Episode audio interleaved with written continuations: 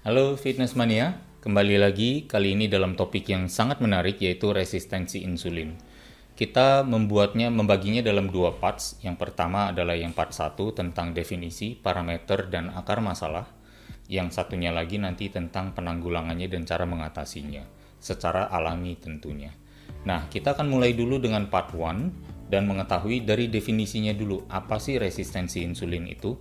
Sebenarnya by the way, sebelumnya kita juga mengetahui bahwa resistensi insulin adalah gerbang menuju berbagai penyakit, salah satunya yang paling ditakuti adalah diabetes mellitus atau diabetes tipe 2 yang nantinya bisa mengarah kepada komplikasi ke berbagai uh, area dalam uh, kesehatan kita atau dalam tubuh kita.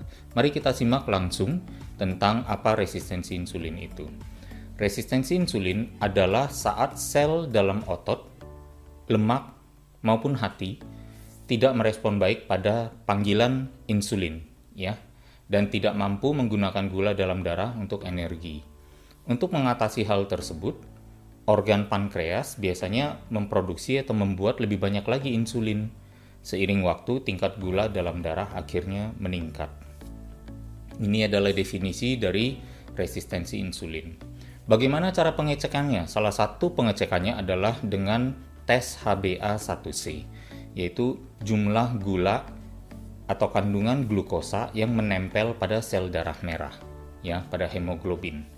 Di sini kita bisa melihat di gambar tengah bahwa yang sel darah merah yang rendah akan zat gula akan tampak seperti lingkaran yang di bawah.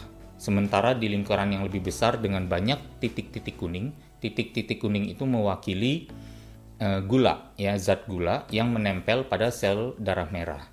Yang titik kuningnya lebih banyak berarti HbA1c-nya akan lebih tinggi.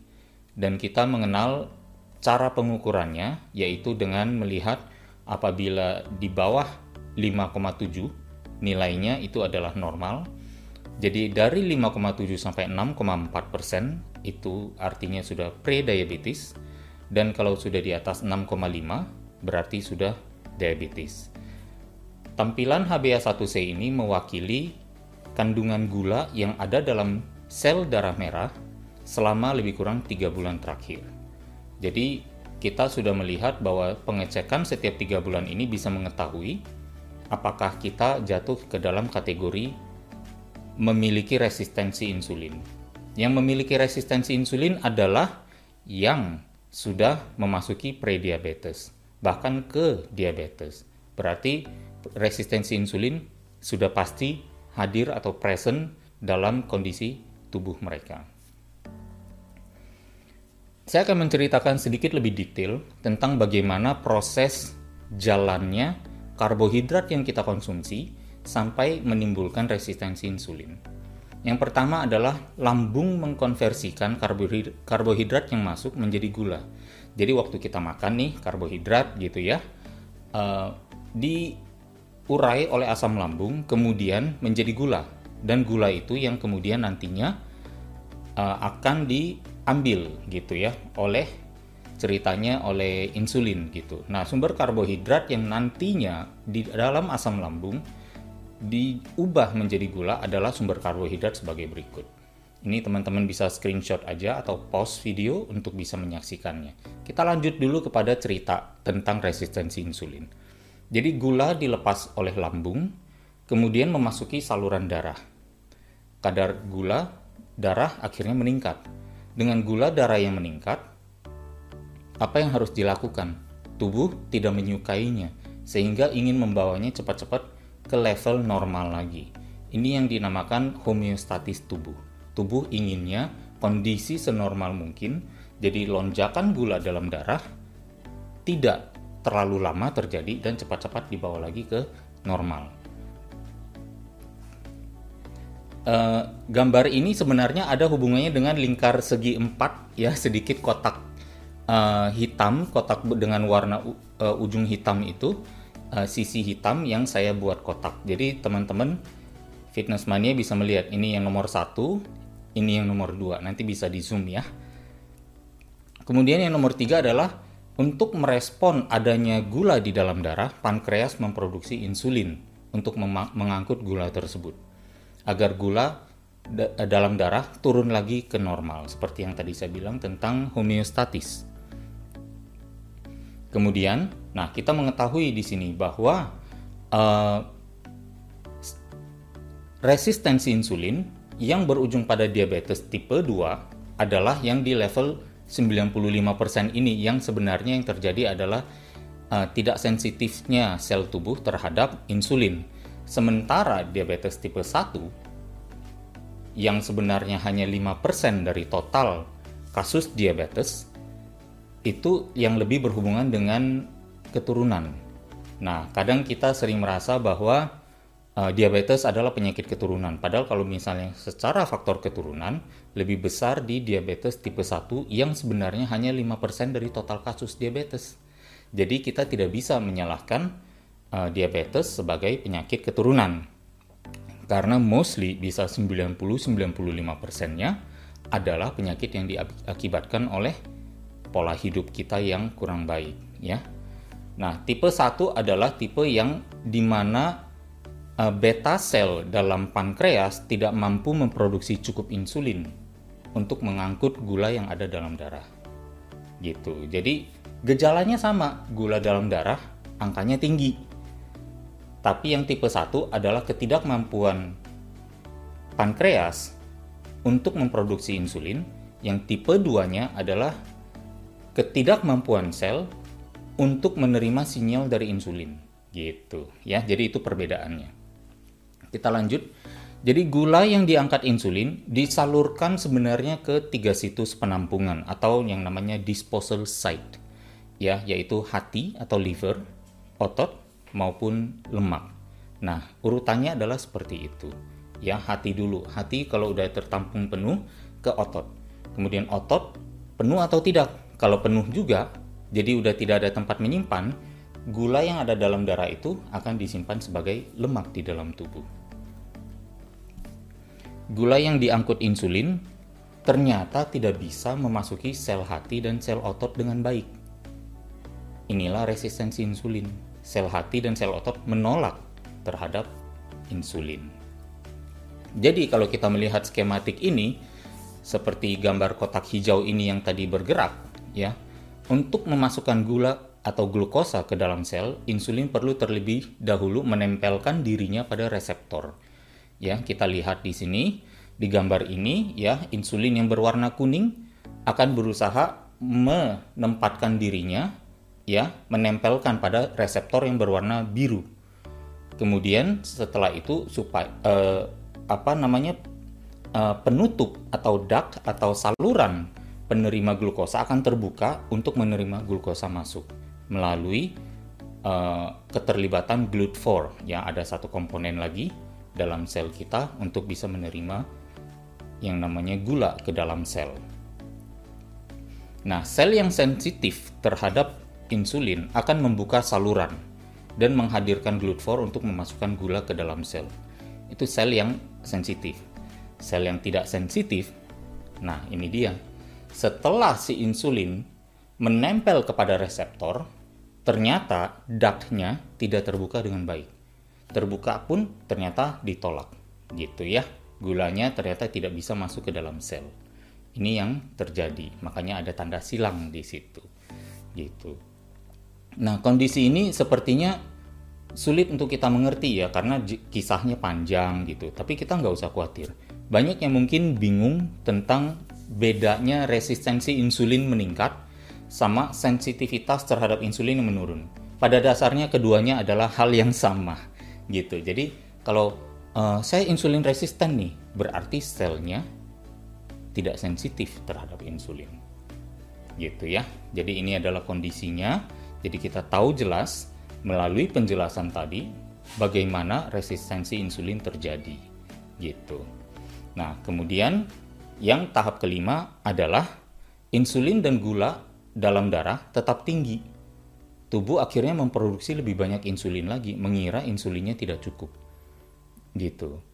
Sampai ke level di mana tubuh mendeteksi gula dalam darah terlalu tinggi dan insulin di dalam darah juga sudah mulai tinggi. Apa yang harus dilakukan tubuh? Ini dia, HbA1c-nya menjadi tinggi. Ya, kemudian tubuh menumpuk lemak. Dan saat mekanisme tubuh membentuk lemak atau menumpuk lemak, berarti proses pembakaran lemak tubuh terhenti. Jadi at the presence of insulin, di saat tubuh sedang menumpuk lemak, tubuh tidak bisa membakar lemak. Gitu. Dan kemudian yang terjadi adalah juga karena ke uh, gula darah cukup tinggi akhirnya menimbulkan inflamasi pada sel kepada pembuluh darah, sel-sel banyak ya. Uh, sel otot juga terjadi inflamasi bisa di mana-mana ya. Sehingga menurunkan daya tahan tubuh kita juga. Ini yang akhirnya menimbulkan banyak masalah sampai kita masuk ke diabetes gitu. Jadi pada dasarnya diabetes tipe 2 itu adalah sesederhana ya most of the cases di banyak kebanyakan kasus adalah orang yang mengalami resistensi insulin cukup lama sampai HbA1c-nya menentukan dia sudah masuk ke diabetes.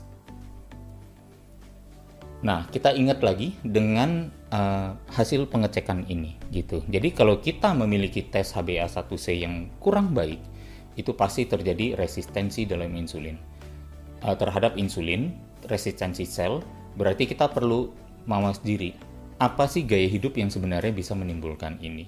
Nah, itu dia salah satunya tadi dengan tampilan gam apa list-list daftar makanan karbohidrat yang ada di dalam tubuh kita sudah mengetahui bahwa ternyata konversinya berasal konversi ke gula darah dari makanan biasa berasal lebih banyak dari karbohidrat. Berarti kita perlu membatasi karbohidratnya, mungkin itu penyebab utama. Yang kedua adalah sel menolak terhadap insulin, panggilan insulin. Insulin bilang, "Ayo tolong dong buka dirimu untuk supaya ada gula yang saya bawa untuk bisa masuk ke dalam selmu." Tapi otot bilang, di saya sudah penuh penampungannya. Jadi mau kamu menempel pada reseptor pun, dak saya terbuka pun, di tempat saya penuh, saya nggak bisa menerima. Gitu gula yang masuk, karena gula di otot saya masih banyak. Berarti itu berhubungan dengan apa?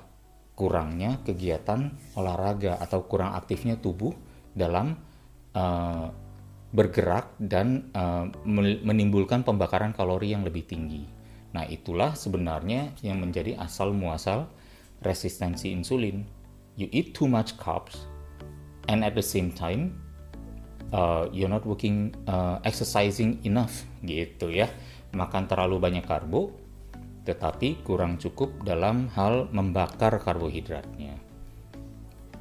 Dan masalah diabetes akhirnya bisa ke mana-mana kepada otak juga bisa, bermasalah sampai ke gigi, sampai ke syaraf, ke jantung, dan terutama mata dan ginjal.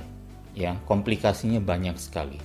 Bahkan uh, dalam salah satu lecture yang saya pernah hadiri, ya, uh, lecturer atau dosen uh, dari Amerika Serikat mengatakan bahwa sebenarnya kematian dari diabetes adalah kematian yang paling menyakitkan. Karena apa? Komplikasinya banyak.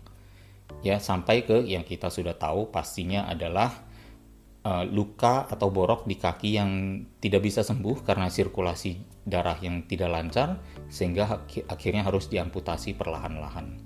Makin lama makin naik ya. Karena luka operasi tentunya juga adalah luka baru yang sehingga akhirnya terharus terpotong lagi karena akan menimbulkan borok dan tidak bisa sembuh gitu dan yang lebih concerning lagi adalah bahwa ternyata diabetes di tahun 2017 ada penelitian yang mengatakan dan bahkan menyimpulkan diabetes sekarang adalah faktor kunci terjadinya peningkatan kasus kanker seluruh dunia. Gitu. Jadi dan kita ketahui juga bahwa sel kanker makan dari apa? Makan mendapatkan makanan dari glukosa, dari gula. Gitu. Sehingga bayangkan kalau ternyata gula di dalam darah kita tinggi maka sebenarnya sel kanker akan lebih mudah untuk thrive, untuk hidup atau untuk berkembang, maju pesat. Karena makanannya banyak dan rich di dalam darah tersedia untuknya. Dan maka tidak tidaklah mengherankan kalau ternyata kasus kanker bisa meningkat di antara penderita diabetes. Dan angka penderita diabetes di Indonesia juga diramalkan akan meningkat. Dan harapannya tentu dengan keberadaannya pengetahuan ini dan uh, video seperti ini, edukasi, sehingga akhirnya siapa tahu bisa menyadarkan kita dan mulai pelan-pelan menjauhkan kita. Sehingga prediksi tentang jumlah penderita diabetes Indonesia yang meningkat sampai puluhan juta lima tahun mendatang, semoga prediksi itu tidak terjadi. Gitu ya. Ya, terima kasih Fitness Mania telah menyimak video ini sampai akhir. Kita akan lanjut lagi ke part 2 untuk bagaimana menanggulangi resistensi insulin ini dan menjauhkan kita dari diabetes dan akibat-akibatnya. Sampai bertemu. Ya, teman-teman, terima kasih sudah menyaksikan video saya di Coach Halim Chiang. Apabila menyukai videonya, jangan lupa like, atau jangan lupa juga subscribe, bahkan mungkin share ke teman-teman lainnya. Semoga bermanfaat adanya.